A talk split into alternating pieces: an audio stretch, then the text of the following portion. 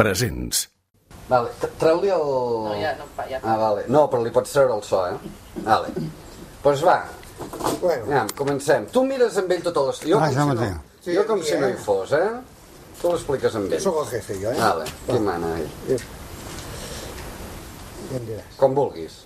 Bueno, doncs mira, jo, espera, jo, Ah. jo, jo pregunto. no, que faig de fer la presentació. Però jo, jo et feia la pregunta. Ah, Jo te eh, esborra això. Vale. Presents. Soc la Carola Soler i això és Presents, un homenatge als absents, un recorregut per les vides dels que ens han deixat a causa del coronavirus. Pots fer una breu presentació personal? Nom, lloc de naixement, estudis, ocupació, on has viscut... Bueno, doncs jo em dic Jaume Jorba Gavarró, vaig néixer a Castellolí, en una casa de pagès que se'n diu Cal Aguilera. Avui, el record i el tribut és pel Jaume Jorba Gavarró, nascut fa 89 anys, el 1931, a Castellolí, a la Conca d'Òdena. La resolució que s'ha aprovat és la següent. Restringir la sortida de persones dels municipis d'Igualada, Vilanova del Camí, Santa Margarida de Montbui i Òdena a partir de les 21 hores del 12 de març de 2020. Dos dies abans de que Pedro Sánchez decretés l'estat d'alarma pel coronavirus, prop de 70.000 catalans ja estaven confinats a casa. La Conca d'Òdena va convertir-se en qüestió d'hores en el principal focus de la pandèmia a Catalunya. Els contagis no paraven de multiplicar-se.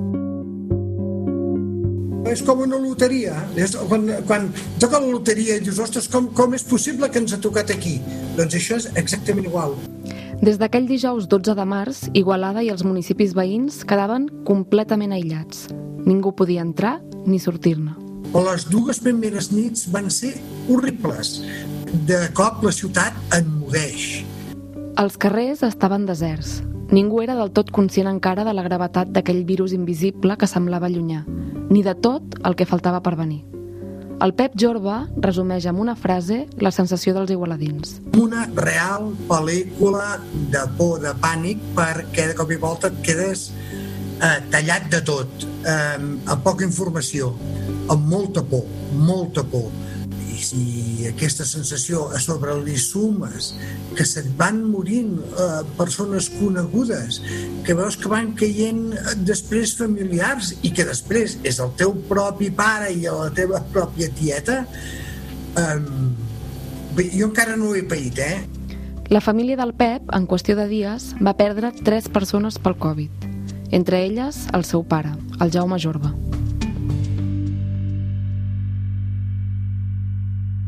El Jaume Jorba va néixer a una masia de pagesos a Castellolí, a un poble molt petit al costat d'Igualada.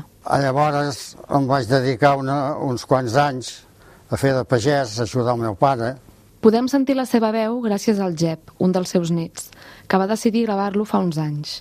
El Jaume recordava com era difícil guanyar-se la vida a pagès i també com una tuberculosi, per poc, no se'l van portar de jove.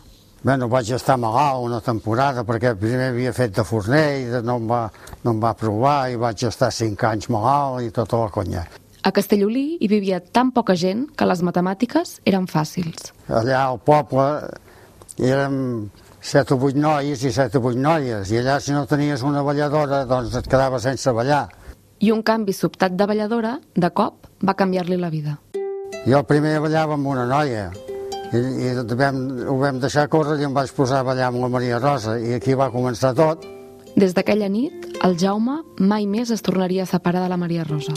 Vam festejar set o vuit anys i després vam, ens vam casar. Com molta gent a l'època, la parella se'n va anar a viure allà on hi havia feina. Després vaig anar cap a Igualada, que vaig aprendre de, de fer anar el gènere de punt i em vaig dedicar molt temps, molts anys al gènere de punt. La indústria tèxtil era molt important a Catalunya al llarg dels segles XIX i XX, i Igualada va convertir-se en el centre neuràlgic del gènere de punt. La ciutat era famosa per les seves fàbriques, i el Jaume va ser una de les tantes persones que després de la guerra va participar al creixement i la modernització industrial de la ciutat. Vaig tenir una fabriqueta, després vaig tenir una fàbrica més gran, més gran. La seva fabriqueta, Confeccions Jorba, va arribar a tenir uns 40 treballadors. El fill del Jaume, el Pep, que escoltàvem abans, recorda aquella època daurada i bulliciosa d'Igualada, quan les fàbriques tèxtils treien fum i a certes hores del dia sonaven les sirenes, l'avís del canvi de torn. Trobar feina és que si no treballaves era perquè no volies. Aquí hi havia feina per tothom, per, per tothom. El Jaume Jorba, el pare del Pep, era molt treballador, però la sort no sempre l'acompanyava. Perquè ell sempre volia, diguem-ne, fer-s'ho tot ell, com jo, eh, i no dependre de ningú. I va muntar una fabriqueta que no li va anar massa bé, eh, i després en va muntar una altra, eh, i tampoc li va anar massa bé.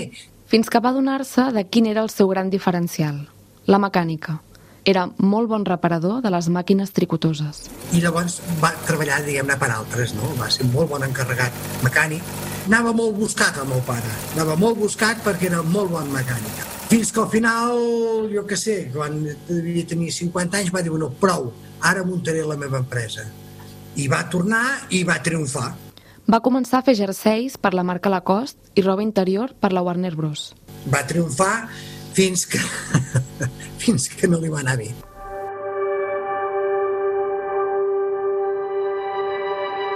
La feina al món del tèxtil va ser una part molt important de la vida del Jaume, però a través de la seva dona, la Maria Rosa, va anar guanyant pes una altra part inesperada. Tot va començar, amb paraules del propi Jaume, així. Ella treballava a l'hospital, treballava de nit, i un dia va arribar a casa cansada, agotada, amb molta son, es va posar doncs, allà a la taula amb una llibreta que tenia amb uns papers i va començar a escriure, a fer unes ratlles que no s'entenien el que era i tot un plegat va posar un nom, Júlia.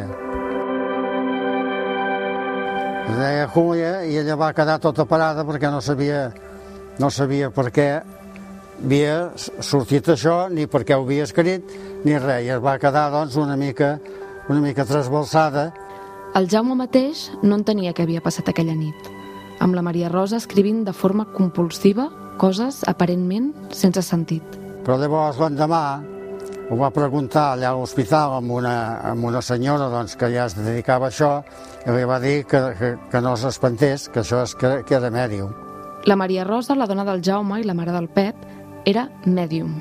Podia comunicar-se amb els esperits. De moment no, no, no hi creia perquè totes aquestes coses jo no les havia sentit mai. A mi em feien anar a missa cada festa. El rector, si no hi anàvem, ens castigava. Primer em feia també una mica de por. Ara, quan, quan després vam anar coneixent gent, vam anar coneixent doncs, eh, gent important, com metges, com, com abogats, que, que estudiaven el mateix i comprovaven si era veritat, doncs em vaig anar conscienciant de que sí, que el que escrivia la Maria Rosa doncs, era veritat. Aquell poder paranormal va marcar un abans i un després. Junts van començar a participar en cercles espiritistes, que enmig dels canvis socials que va portar la industrialització estaven lligats sobretot a moviments lliurepensadors. El Jaume també va començar a experimentar coses que mai hagués imaginat abans.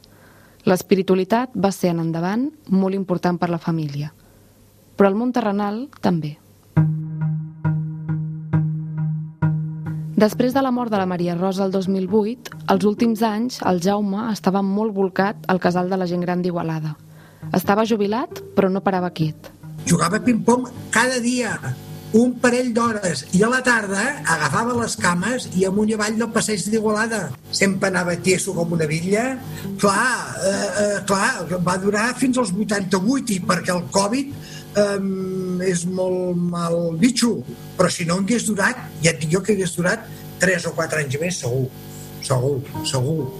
De fet, una de les aficions del Jaume dels últims temps era anar al seu grup de playback. Tenia una energia i unes ganes d'actuar i unes ganes de fer i lo feia tan bé t'emocionava una barbaritat perquè és que feia, lo feia de meravella. Jo fins ara no sabia què era això dels grups de playback. Poses la can una cançó d'un cantant i tu representa que cantes, però la teva veu no se sent, fas veure que cantes. Nosaltres no sortim com els vestits, sortim vestits pues, con ropes molt maques perquè portem un espectacle molt maco. La Pilar és la directora del grup de playback Il·lusió, on el Jaume va participar els últims anys. Són una vintena de persones grans, d'entre 65 i 80 i pico anys, que assagen generalment cada dimecres al Teatre d'Òdena. I almenys un parell de cops l'any es presenten en públic, alguna vegada davant de fins a 300 o 400 persones. No hi ha I és que Jaume, quan feia alguna d'estes de còmic, escolta, Bueno, mm, eh, és que l'esbordava, l'esbordava, la veritat, eh? Uh -huh. Perquè era una persona que le veies una persona seria, dentro de lo que cap, la veies así a simple vista seria, i després quan veies que en el escenario se transformava d'aquella manera, bueno... Bàsicament, el que es fa als espectacles del Playback Il·lusió és representar cançons antigues, interpretar-les en diferents escenes, a vegades ballant, mentre un dels membres del grup fa veure que la canta, és una mena de videoclip en directe. I les cançons són molt variades, des de clàssics catalans com el Remena Nena, a Los Panchos o, per exemple, Juzgado 23 de la Rocío Durcal. I ell me feia de jutge, escolta, fer un paperàs. A la Conca d'Òdena, com a la resta de Catalunya, hi ha bastants grups de playback. S'han posat de moda i a llavors eh, arribes allà eh, i, i, cant, eh, o sea, i passes una tarda estupenda, recordes, perquè com que tot això és per gent gran, perquè més aviat se va. Ara comença a anar-hi gent jove també, entens? Però a llavors gent gran, a llavors la gent recorda la seva joventut, perquè hi ha cançons de, de Jorge Sepúlveda, d'Antonio Machín... El Jaume sempre anava al playback amb la tieta Conxita, que vivia els últims anys amb ell i la seva dona. Tots dos eran unas personas eh, ejemplares, unas personas fabulosas, estos dos. Conchita era más reservada i el Jaume no, el Jaume sempre estava dispuesto a totes les converses i... El Jaume, tot i ser discret, era més expansiu. Sempre estava de bon humor. Te acostaves amb ell i quan li deies «Hola, Jaume, com estem?» «Hola, maca, hola, maca», perquè ja te contestava així.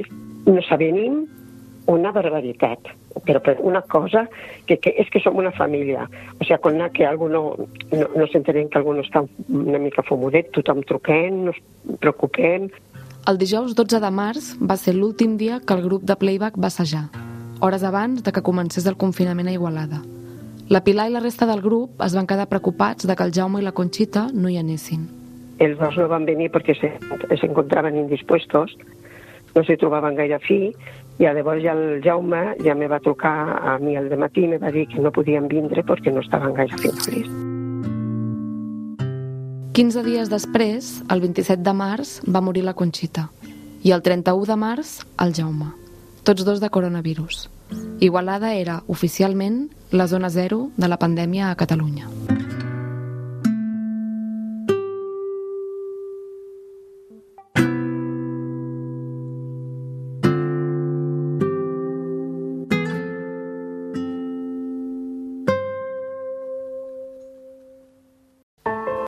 Presents. Un homenatge als absents és un podcast original de Catalunya Ràdio. Direcció, guió, producció i narració, Carola Soler. Muntatge tècnic, Matilde Seoane. Producció executiva, Albert Segura.